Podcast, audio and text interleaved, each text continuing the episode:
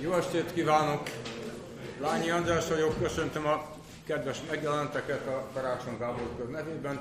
A ma esti vita estünkön én csupa olyasmit fogok mondani, amit már úgyis tudtok, tehát akkor most közlöm azt, hogy a migráció és klímaváltozás összefüggéséről szól majd a mai este az előadóink Talár Ferenc és Meleg Attila, aki az előbb még itt volt. Meleg nem vészelt, csak átalakult. És Stunk András, a Válasz Online szerkesztője fogja moderálni a beszélgetést, amelyben felkért hozzászólóink Szárkai Kinga és Sifer András lesznek, majd ők is kellő pillanatban előkerülnek. Ahogy ez lenni szokott, a beszélgetés alatt, ami egy pódiumbeszélgetés, önök írásban tehetnek fel kérdéseket, amelyeket két oldalt lehet találni a kedves munkatársaimat, akik várják a kérdéseket, és majd továbbítják a moderátornak. A pódiumvita lezárultával azután közvetlenben is lehet kérdezni, vitatni őket a végén. Köszönöm szépen, és akkor átadnám a szót a mai moderátornak, Stumpf Andrásnak. Köszönöm szépen Lányi Andrásnak a szót, tisztelettel köszöntök én is mindenkit. Felkért arra, hogy moderáljak, aztán szépen levette a vállamra a terhet, mindent elmondott, amit tudniuk érdemes a következő másfél óráról. Ami fontos, először 20-20 percben, és kérem majd az előadóinkat, hogy tartsák a keretet. Két előadónk fog hozzászólni a témához. A témához, amely nem más, mint a, mint a legfontosabb két téma, mint a legfontosabb két téma most a, a politikában. Számomra politikai újságíróként azért is izgalmas, mert felvetődött, hogy ez lehet az új jobb és baloldal, a migráció és a klímaválság, az a két topik, amely leváltja a jobboldali és baloldali politika most már több száz éves toposzait, és nem, nem így fogunk majd a politikára nézni, hanem migrációtól félő és klímaválságtól félő politikaként. Nagyon érdekel az, hogy mit gondolnak erről előadóink, úgyhogy elsőként annak adom meg a szót, aki elsőként érkezett, és nem hozta ránk a frász úgy, mint Meleg Attila, aki az utolsó pillanatban futott be. Tehát a Tallár Ferenc... Elmondom, hogy miért. Jó. Most már ezt Karácsony Gergőre lehet fogni, tehát most már nem Tarvos Istvánra kell. Mint az tehát Erdogánra fognám. Az Erdogánra is lehet, ma már, ma már szóval. A szó tehát Tallár Ferenc filozófusé, kérem, hogy amennyi anyaga van, azt ossza meg velünk igen, migrációs igen. klímaváltozás témakörben. Most azt rögtön szeretném jelezni, hogy a 20 percnél több. Tehát eddig még 20 perc sosem volt. Volt fél óra, volt 25 perc. 25 perc, de 20 perc még sosem volt, most még ne ketyegjen az óra, mert szóval itt, itt ugye van egy ilyen terjedelmi probléma. Szóval 25 perc ez biztos, hogy lesz. Ez a dolognak az egyik része. A másik, ahogy már itt az előkészületből láthatják, és sajnos, vagy nem sajnos leírtam a szövegét az előadásnak, és tudom ugyan, hogy a, egy, egy, egy, egy felolvasás azt mondjuk nehezebb követni és kevésbé élvezetes, mint egy spontán elemekben gazdag szóbeli előadás, de most már maradok a szövegnél többek között a leír szövegnél, már csak azért is az idő miatt. Tehát különben biztos, hogy beleveszve a különböző falalak mentén való haladásba, én legfeljebb feléig jutatnék el, és itt ugye nem nagyon mondhatja azt az ember, hogy a jövő héten majd folytatjuk, tehát akkor azért jó lenne a végére jutni. Na most ezt szeretnék egy kvázi tézisszerrel valamit előre bocsátani. Az egyik ezek közül, a tézisek közül az az, hogy, hogy semmiképpen sem gondolom, hogy ez szerencsés. Tehát én, én bizonyos esetben ezzel szemben fogalmaztam meg a magamét, nem tudván, hogy ez itt el fog hangzani, de egy, egy olyan politikai polarizációt, ami a migráns mellett, hogy ellenen, én, én ezt abszurd, tehát ezt, ezt egy nagyon-nagyon helytelen és nagyon abszurd felállásnak tekinteném. Ö, be, be, hát erre majd a későbbiek során nyilván sor került. Bizonyos értelemben éppen ezért, mert semmiképpen sem szeretném ezt a belpolitikai kérdések függvényévé tenni a dolgot, mert ez nyilván nagyjából belpolitikát, mert alkalmatlan nem csak belpolitikát, de európai politikát is jelentett. Én tulajdonképpen arra vállalkoztam, hogy azt, azt gondoltam, hogy a hát hogy ma kontextualizálom a, a migrációnak a kérdését, értve ez alatt azt, hogy megpróbálom belehelyezni abba az európai szituációba, amiben megjelenik a migrációnak ez az új hulláma, amiben tematizálódik a kérdés, és a közbeszédnek az egyik alapvető témájává lesz, és nem csak a közbeszédnek, hanem a politika, politikának is az alaptémája lesz. Na most úgy gondolom, hogy ezt a szituációt nagyjából úgy lehetne jellemezni, mint az európai, magabiztos európai öntudatnak a megrendülése, elbizonytalanodása, nagyjából ez lenne az a helyzet, amiben megjelenik a migráció. A migráció biztos, hogy kiélezés hozzájárul ehhez a megrendült, vagy ez a bizonytalanná vált identitáshoz, önértelmezéshez, de semmiképpen sem hiszem, hogy ennek a mondjuk így válságnak, vagy krízisnek a kiváltó oka ként lenne értelmezhető. Azután a továbbiakban a, a multikulturalizmusról ejtenénk néhány szót, nagyjából ugyanebben az összefüggésben. Tehát úgy gondolom, hogy a, a multikulti mögött is olyan jelenség csomag van, ami ugyanebben az irányba mutat, és magában nem kapcsolódik a, a migrációnak a tényéhez, mégis egy hasonló logika alapján működik a, a dolog. Jó, és hát akkor itt hozzá, hozzákezdenék a felolvasáshoz. Hát ugye Európának és a migrációnak a viszonya az idő folyamán természetesen változott. 1945-ig Európa migráció tekintetében alapvetően kibocsátó és nem befogadó kontinens volt. Amerikát, Kanadát, Ausztráliát európai kivándorlók, migránsok népesítették be, és jelentős számú európai költözött a gyarmatokra is. A második világháború után a helyzet megváltozott. Nyugat-Európa fejlett ipari országai befogadó társadalmakká váltak. A korszak migrációs elméletét uraló pull-push, beszív, kilök modell szerint a migráció a fejlődés szolgálja. A modell logikáját a következőképpen lehetne röviden összefoglalni. A fejlődő országokat tőkehiány és munkaerőfelesleg, azaz olcsó munkaerő jellemzi, míg Európa fejlett országai gazdagok a tőkében, de munkaerőhiánya továbbá magas bérek költségeivel küzdenek. A migráció megindul egy kiegyenlítődési folyamat. A bérek csökkennek a fejlett, növekszenek a fejlődő, valójában szegény országokban. A munkaerő mozgását eközben a tőke ellentétes irányú mozgása kíséri, kiáramlása a tőkében szegény, de jelentős munkaerőfelesleggel rendelkező területek felé. A két folyamat együtt megnyitja az utat, sok más komponenssel együtt, megnyitja az utat az egész világra kiterjedő fejlődés előtt. A migráció ebben az értelemben harmonikusan illeszkedett tehát az uralkodó fejlődés diskurzusban. A fejlődés univerzális eszméje szerint az emberiség egy azon világtörténeti út, világtörténelmi úton halad. Ez az út egyetlen irányt, a gazdasági mutatók által meghatározott fejlődés irányát ismeri, és a tőkés piacgazdaság mellett egyúttal feltételezi az emberi jogok elismerését és a demokrácián alapuló politikai berendezkedést is. A térben elkülönülő, fejlett és elmaradott társadalmak ezek szerint mind a gazdasági, mind a politikai berendezkedés értelmében a történelmi fejlődés vagy a haladás lineáris idősorába illeszthetőek, és az elmaradóknak, tehát akik ebben a lineáris idősorban hátrább állnak, nincs más lehetősége, mint az utolérés. És a mintát ehhez természetesen Európa és a nyugat fejlett társadalmai adják. Na most ez a mondjuk a 60-as évekre jellemző képet, ezt a magabiztos képet, képből már szinte semmi sem maradt, és ez világosan érzékelhető a migráció kapcsán is. A migráció témája 2015 óta uralja a közbeszédet, és alaposan átstruktúrálta a politikai preferenciákat. Bizonyos korlátok között nyilván magyarázható ez a számokkal, a csónak megtelt érzésével, Továbbá azzal, hogy a tömeges migrációt szemben az 1960-as évekkel többé nem a célországok szervezik és uralják. Nem ugye a vendégmunkás a szervezett módon érkezett Törökországból Németországba.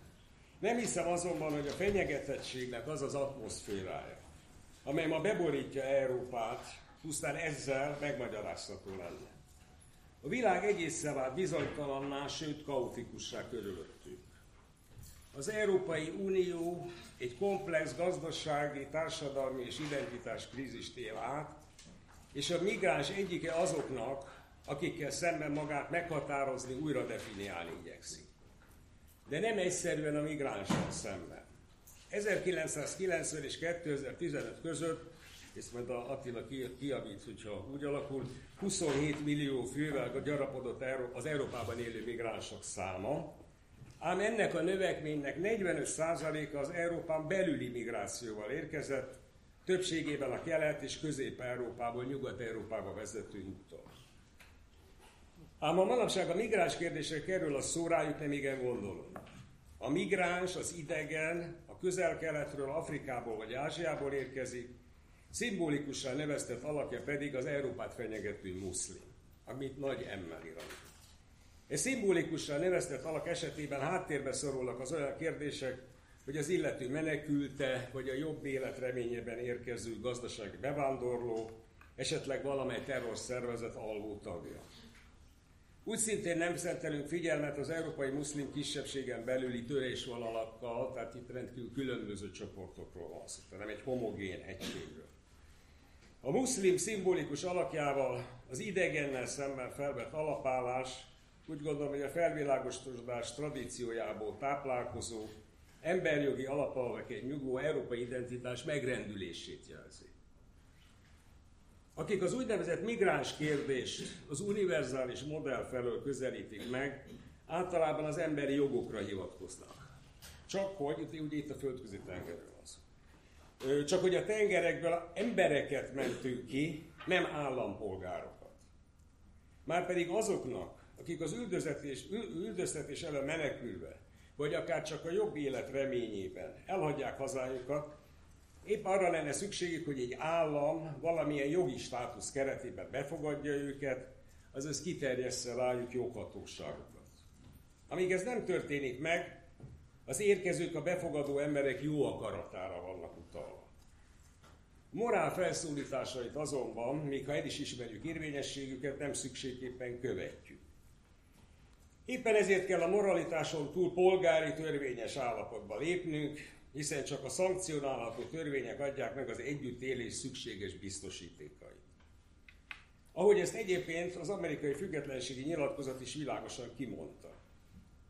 Ennek bevezető soraiból általában csak annyit idézünk, hogy minden ember egyenlőként teremtetett, és az ember teremtője olyan elidegeníthetetlen jogokkal ruházta fel, mint az élethez, a szabadsághoz és a boldogsághoz, boldogságra való törekvésre való jog. A sokszor idézett bekezdés végén azonban áll még egy mondat. Ezeknek a jogoknak a biztosítására az emberek kormányzatokat létesítenek. Magyarán szólva az ember jogaival ténylegesen az állampolgár rendelkezik, aki a beleegyezésén nyugvó kormányzat útján kikényszerítheti ezeket a jogokat. A modern állam Európa és általában a nyugat kétségkívül sikeres intézménye. A társadalmi képzeletben összeállt képlet szerint a liberális jogállam a társadalom tagjait szabad és autonóm magánszemélyekként, a demokrácia az állampolgárokként egyesíti, a nemzet kulturális, történelmi szolidaritás közössége pedig mind a magánszemélyt, mind az állampolgárt az egységes nemzet tagjaként magába fogadja. A demokratikus jogállamként definiált nemzetállam olyan egységes egészként áll tehát elénk, hogy magunkat ennek az egésznek a részeiként gondolhatjuk el, eltekintve mindazoktól a különbségektől, amelyek a marxista narratívában például antagonisztikus osztályellentéteként a középpontba kerültek. A nyugat-európai centrum országaiban kialakuló szociális vagy jóléti állam ennek az önmagával megbékélt társadalomnak mintaszerű megvalósulása volt. 68 után azonban ez a minta lassan felmorzsolódott. A profit érdeket követő tőkének ugyanis egy idő után óhatatlanul kedvét szegi, ha a társadalmi igazságosság nevében a növekmény egyre nagyobb része kerül újraelosztásra. Jó, ha látjuk. A migráció új, máig tartó szakasza a tőke migrációjával vette kezdetét. Menekülve az állami újraelosztás elől, a tőke felmondta kompromisszumát a teritoriális nemzetállamokkal, és kilépett a határok közötti, a politikai állami kontroll alól felszabadult térbe. Az 1970-es évektől kezdődően a társadalmi politikai kontrollmechanizmusokat lebontó szabad kereskedelem, mármint hogy a politikai és társadalmi kontrolltól szabad kereskedelem, olyan előretörése ment végbe, mely a társadalmak integrációs formájának felbomlásával és az emberiséget létében veszélyeztető ökológiai válsággal fenyeget. A 21. század horizontján széthulló, fragmentálódó társadalmak gyökerüket vesztett a társadalomból kiágyazott tömegek népvándorlása jelenik meg. Nyilvánvalóvá vált, hogy a világban zajló folyamatok a lineáris fejlődés paradigmájával nem írhatók már le. Helyébe a világrendszer lépett, világrendszer elmélet lépett, amely nem az egységes fejlődés lineáris időrendjébe helyezi el a különböző fejlett, illetve utolérésre ítélt területeket, hanem a világgazdaság egységes terében, szinkron egységben látja őket, és azt állítja, hogy csak a különböző, de egyidejű alkotórészek kölcsönös kapcsolatrendszerre biztosította azt a világméretű egyenlőtlenséget, mely az egyenlőtlen csere feltétele, és így módon a centrum centrum voltának alapja. Az egyenlőtlen csere ugyanis olyan oligarchikus vagyont hoz létre a centrum országaiban, mely nem a szabad versenyben, hanem a társadalmi kontroll és transzparens piac fölötti térben jön létre. Ott, ahol a politikai hatalommal összefonódó monopóliumok uralkodnak, Brodel kifejezésével érve a dzsungel törvénye. Miközben az őserdők zsugorodnak, ez a dzsungel nőtt óriásira a globalizáció folyamatában. A globális pénztőke és az egész világot behálózó multinacionális cégek egyre kevésbé köthetőek a meggyengült teritoriális határaikhoz és a határokon belül élő választóikhoz kötött nemzetállamokhoz. A tőke deteritorizálódásával, azaz területtől való elszakadásával, így maga a centrum is deteritorizálódott, azaz mozaikusan szétterült a globális világban. A centrumnak ez a szétterülése elindított egy világméretű folyamatot. Kína részesedése a globális GDP-ből ma már gyakorlatilag utoléri, vagy utolérében van az USA, USA részesedését. A minket most elsősorban érő, érdeklő Európai Unió gazdasági, globális gazdasági súlya pedig 1990 és 2014 között 33-ról 24 százalékra esett. Ezt egyenesen Meleg Attilától lőttem át, úgyhogy ez biztos, hogy nem fogja megkérdőjelezni. Milánovics nevezett elefánt, nevezetes elefántábrája ugyanezt a kiegyenlítődést igazolja a jövedelmek oldaláról, de egy paradox, tehát egyrészt a hogy az államok közötti térben egy kiegyenlítődés, és a kontinensek között ugyanakkor az egyes államokon belül viszont rendkívül növekvő egyenlőtlenségek. Ugye ez az 1,99 százalék Occupy Wall Street, stb. problematika, ami mögötte van. Na most a lényeg az az, hogy itt azt gondolom, hogy egy alapvető történelmi folyamat tanúi vagyunk. A születési helyéről leváló, a globális világba kivándorolt tőke többé nem tekinti feladatának, hogy születési helyén, a centrum országaiban az újraelosztás révén biztosítsa a társadalmi békét. Ami persze felveti a kérdést, vajon a demokratikus jogállam korábbi sikere nem a centrum pozíció függvénye volt-e, és árát nem a perifériák fizették-e meg. Ha így fogjuk föl, meg kell kérdeznünk, vajon a demokrácia és kapitalizmus exportban kiteljesedő európacentrikus világtörténelem képzete nem Európa hübrisze volt egy csupán Európa elbizakodottsága, ugye a tragikus hős tulajdonos, ez a hübrisz. A kérdéssel szóval az önmagunkkal való szembenézés természetesen nem magától értődő folyamat, inkább kimenetelükben nehezen megjósolható konfliktusok és társadalmi polarizációk sorozata. Jó indikátora ennek viszonyunk a migránshoz. Most én itt a hagyományos szélső populizmusba forduló nacionalizmusával nem foglalkozom, Figyelemre méltóbbnak érzem a Holland Szabadságpárt, a Dán Néppárt vagy a Norvég Haladópárt által képviselt, leginkább talán Pén Fortuján nevével jellemezhető álláspontot. A szokásos megbélyegzés ellenére ennek kevés köze van a hagyományos szélsőjoghoz. Liberális, az individuális szabadságjogok, a szekularizáció, a szólásszabadság, a női és kisebbségi jogok mellett elkötelezett, a keresztény és a csidó tradíciót egyaránt felvállaló álláspontnak tűnik az övé. Nem támadják sem a demokráciát, sem a jogállamot, de ugyanakkor határozottan szkeptikusok az Európai Uniót illetően, ösztünet zúdítanak a multikulturalizmusra és a migrációra, a, miszlám, a muszlimot pedig, ezzel a nagybe, ezt a nagybetűs muszlimot ellenségként nevezik meg. Importáltunk egy szörnyeteget, mondja Fortuján, és ez a szörnyeteg az iszlám. Hogyan fér össze a liberalizmus alapvetéseként szolgáló emberi jogokkal egy ilyen típusú kijelentés? Az egyszerre liberális, vagy liberálisnak tűnő és muszlim ellenes program egy civilizációs szempontra épül. Feladatának a keresztény és a liberális európai civilizáció védelmét tekinti, méghozzá konstruált ellenfelével az egységes tömbé homogenizált iszlámmal és a muszlim szimbolikus alakjával szemben. Amivel tulajdonképpen megismétli azt, amit Edward Said orientalizmusnak nevezett. Európa maga kulturális és erkölcsi fölényét, ami persze egy hatalmi pozíció igazolásaként szolgál, régóta hagyományosan legyőzött ellenfelével a kelettel szemben fogalmazza meg. Mint a gyarmati időben, most is az alá- és fölérendeltség oppozícióival találkozunk. Szabad autonóm individuum szemben a hatalmas szolgáló alázattal, racionális és szekuláris gondolkodás szemben az irracionális vallási fundamentalizmussal, stb. A különbség legfőbb annyi, hogy a fölény tudata helyébe most a fenyegetettség tudata lépett, ahogy az például Ülbek behódolás című regényében tükröződik. Hogyan értelmezzük tehát a civilizációs populizmusnak nevezett gondolati, politikai irányzat kiállását a felvilágosodás és a liberális elvek mellett? Fortuján a holland politika Huntingtonjaként jellemezte magát, és a civilizációk összecsapásáról beszélt.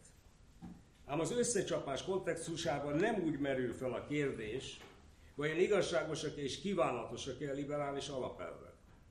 Az egyén szabadsága a civilizációs diskurzusban már nem univerzális elvnek, sokkal inkább történelmi és empirikus okokra visszavezethető konvenciónak tűnik, mi ezt így csináljuk. Tehát egy olyan lehetséges technikának, mely az európai civilizációt jellemzi, míg az iszlámból hiányzik. Identitáspolitikáról van szó tehát, az idegennel szembeszegezett saját identitás nem tart már igényt univerzális érvényre. Az európai civilizáció védelme a muszlim, muszlimmal szemben egyszerűen a mi civilizációnk védelme az idegennel szemben nem illeszkedik többé az Európa-centrikus világtörténelem univerzális vízióját. Meglepőeknek hangozhat talán, de így módon a civilizációs populizmus önképe ellenére a radikális multikulturalizmus logikáját követi. Ha meg akarjuk ezt érte, érteni, ezt a logikát, érdemes a Martin Luther King vezette fekete polgárjogi mozgalom és a 60-as évek végén születő fekete párducok követeléseinek különbségéből kiindulni. A fekete polgárjogi mozgalom minden ember egyenlőségének univerzális elvéből kiindulva a fehérek és a feketék megkülönböztetése ellen, tehát egyenlő kezelésük mellett léptek, ö, szálltak síkra. A Black Panthers tagjai ezzel szemben a fekete büszkeség igényével léptek fel. A fekete, fekete párduszok álláspontja valahogy így foglalható össze. Engem ne kezeljenek úgy, mint a fehéreket, ne kényszerítsék rám a fehér kultúrát, mert én büszke vagyok fekete voltomra. Elnyomott feketeként nőttem fel, fekete környezetben és tradícióban, és ebből a közös, nem fehér kultúrából adódnak saját élményeim és értékeim. És ezeket nem vagyok hajlandó feloldani az, uni, feloldani az univerzalizmus semlegességét.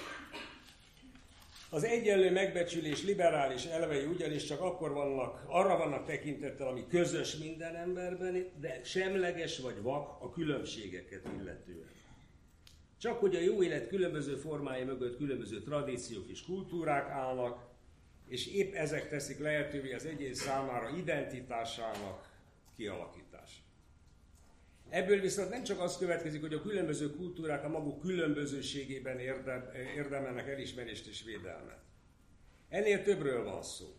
A, a multikulturális identitáspolitika akkor válik radikálissá, amikor azt mondja, hogy az egyenlő méltóság, különbségek elvei egyáltalában nem semlegesek. Valójában annak az uralkodó kultúrának az elvei, mely fel akarja számolni identitásomat, mivel az egyenlőséget csak az uralkodó többség minden különbséget asszimiláló, homogén kultúrájaként tudja vagy akarja elképzelni.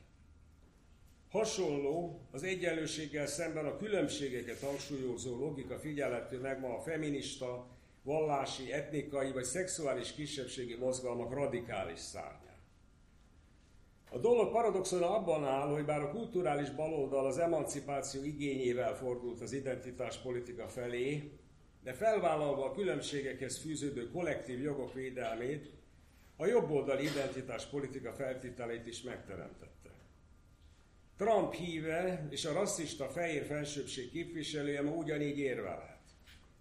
Lehet beszélni fekete identitásról, a nők és a melegek identitásáról, csak fehér identitásról nem? Valójában mi vagyunk a láthatatlanok, mi lettünk az elnyomottak. Mint Fortóján és a civilizációs diskurzus kapcsán láttuk, az ő gondolkodásuk is ebbe az irányba fordult. Egy közösség nem követelheti a teljes joggal a bevándorlás leállítását arra hivatkozva, hogy saját kulturális életformáját akarja fenntartani, melyet az idegen életforma veszélyeztet. De ugyanerre az elvre hivatkozva az Európában már letelepedett, jogi státusszal rendelkező migránsok is joggal jelenthetnek be igényt életformájuk, kultúrájuk és vallásuk, szóval saját közösségeik elismerésére és védelmére, vagy a mecsetek építésére, itt ugye hát itt a vallás, tehát ugye ez is egy vallás, tehát itt a vallások, az egyenlőség problémája. Tehát minden mecsetek, iskolák alkalmatlan a sária bevezetésére, stb. stb. Én azt gondolom, hogy ez nagyjából ugyanaz a logika működik itt. A helyzet az, hogyha a társadalmi képzeletben a modern állam különböző életformák és tradíciók mentén szerveződő közösségek közösségévé válik, nehezen tartható fenn a modern európai állam legitimációs elve. Ez ugyanis eredendően úgy hangzott, hogy az állam egyenlőnek tekintett, ezért semleges vagy különbségvak módon kezelendő egyéneket integrál, magánszemélyeként és állampolgárokként, egy politikai szolidaritás közösségbe. Jelenleg viszont nagyon is úgy tűnik, hogy a különbségeket és a megosztottságot hangsúlyozó identitáspolitikák, valamint a migráció nyomása alatt megingott a különbségvak semlegesség alapelve. Az az alapelv tehát, mely a vallásháborúk megoldásaként a modernitás hajnalán Európában kialakult, ami nélkül egyszerűen nem lenne modern Európa, és később épp olyan harmonikusan illeszkedett a különbségvak csereértéken alapuló piacgazdaságba, mint a társadalmak liberális integrációjának úgy szintén különbségvak procedurális, formális mechanizmusába. Feltehetőleg ezzel az elbizonytalanodással is összefügg, de egyúttal fokozza is ezt a tanástalanságot, hogy az Európai Uniónak a menekültek befogadását támogató liberális és úgynevezett baloldali politikai elitje ma megelégszik még a humanista Európa magabiztos önképéhez való görcsös elvi ragaszkodással, ami a gyakorlatban persze tehetetlenségként, sokszor álságos tétovasságként jelenik meg. Alig több, mint a rossz lelkiismeret elbújtatása hangzatos manifestumokban. Az elit úgy tesz, mintha töretlenül bízna abban, hogy az egyének semleges kezelése és a felvilágosodott racionalizmus párosolva a globalizációval és a nyitott társadalommal túlsegíti majd az emberiséget minden olyan konfliktuson, mely a tradíciók, kultúrák és történelmi tapasztalatok különbségeiből, vagy éppen ellentéteiből adódik. De amit a migránsoknak jelenleg ígérni tudnak, az csak az egyetemes emberi jogokra hivatkozó jó akarat és a morális támogatás. Az amúgy cinizmusra hajró Baudrillard joggal mondja azonban, hogy a politika elsáncolása az átmoralizált örök értékek mögé nem más, mint a politika nulla foka. Nem tudom, hogy hol tartunk időben. Lehetünk? Jó, hát erre Hát akkor felolvasom én az egészet. De, de ez azért már nem olyan sok. Nem olyan sok. Lehet persze hivatkozni az ENSZ alapokmány, alapokmányára és az emberi jogok egyetemes nyilatkozatára, az emberi jogok Európai Egyetemes Egyezményére és az emberi jogok Európai Bíróságára, vagy az 1952-es menekültügyi konvencióra, de ezek nem olyan hatalommal bíró felsőbségek, melyek, a, melyek de facto tényleges polgári törvényes állapotot tudnának létrehozni. A nemzetközi jog elismeri ugyan a menekült státuszt és a státusszal rendelkezőknek azt a jogát, hogy nem lehet erőszakkal visszatoloncolni, de a menedékjog megadása az érkezési ország kizárólagos joga. Ami pedig az EU-t illeti, az 1999-ben kezdeményezett közös európai menekültügyi rendszer európai direktívái a tagországok szintjén máig nem váltak hatályos. A Dublini konvenció ugyan megállapodást hozott a közös európai beléptetési és ellenőrzési mechanizmust illetően, de a rendszer a 2015-ös krízis során működésképtelennek bizonyult, a kvótarendszer bevezetésére pedig túl a hangzatos felszólalásokon jószerűen egyetlen állam sem mutatkozik késznek. A Franciaország, Németország, Olaszország és Málta között született, utóbb három vagy négy taggal bővült, úgynevezett máltai megállapodás, ez a hat hónapra tervezett kísérleti projekt, amely az elosztandó migránsok számának növekedése esetén felfüggeszthető, és eleve csak a tengerből kimentett migránsokra vonatkozik, megint csak távol áll egy komolyan vehető intézményes megoldástól. Az EU leghat- leghatékonyabb intézménye így máig a kétes állagú nemzetközi emberkereskedelem marad, a Lásd megállapodását az egyre sötétebb vizekre elvező Törökországgal, vagy a nem létező líbiai kormányjal. Ugyanilyen álságosak azok a megoldási javaslatok, amelyek a menekült kérdést a befogadó ország munkaerőpiaci igényeire és társadalombiztosítási rendszerének finanszírozására hivatkozva oldanák meg, felszívva a használható és kiselejtezve a használhatatlan munkaerőt. Összegezően azt hiszem, hogy Fokujánának igaza van, amikor azt állítja, hogy az európaiak kudarcot vallottak a muszlim bevándorlás problémájának őszinte és nyitott kezelésével. Annak megtárgyalásában, hogy mivel tartoznak a bevándorlók a befogadó társadalomnak, vagy hogy a társadalom mivel tartozik a bevándorlóinak. Hogy egyáltalán fel tudjuk tenni ezt a kérdést, tisztáznunk kellene, hogy mi is tulajdonképpen Európa és az Unió, kik vagyunk mi magunk. Mik azok az értékeik, amelyekről nem mondhatunk le, és melyek azok, amelyek vitatárgyát képezhetik. És ezzel párhuzamosan melyek azok az idegen szokások és meggyőződések, amelyek be, amelyeket befogadhatunk, és, amely, és melyek azok, amelyek befogadása önmagunk feladását jelentené. Egy, a tisztázás már csak a multikulturális állapotban felszínre tört különbségek okán is hosszú és konfliktusos folyamatot ígér. Egy ilyen szembenézés azt feltételezné, hogy a politikai és gazdasági elitek zárt ajtók mögötti egyeztetését felváltják a nyilvános viták, és azok a demokratikus küzdelmek, amelyek képesek visszaszerezni a társadalmi politikai kontrollt a globális térben kalandozó tőke a dzsungel törvénye fölött. Mert ha van idegen törvény, az a dzsungel törvénye. És ameddig az uralkodik, más törvénynek, demokratikus törvényalkotásnak nem sok esélye van. Köszönöm szépen a figyelmet.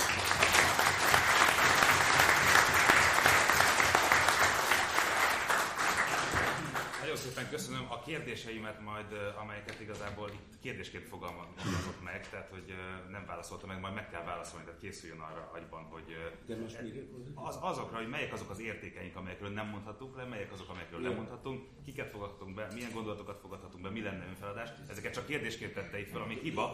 Erre majd, hogy nem kellene a végét. Erre majd, erre majd válaszolni, erre majd válaszolnia kell, azonban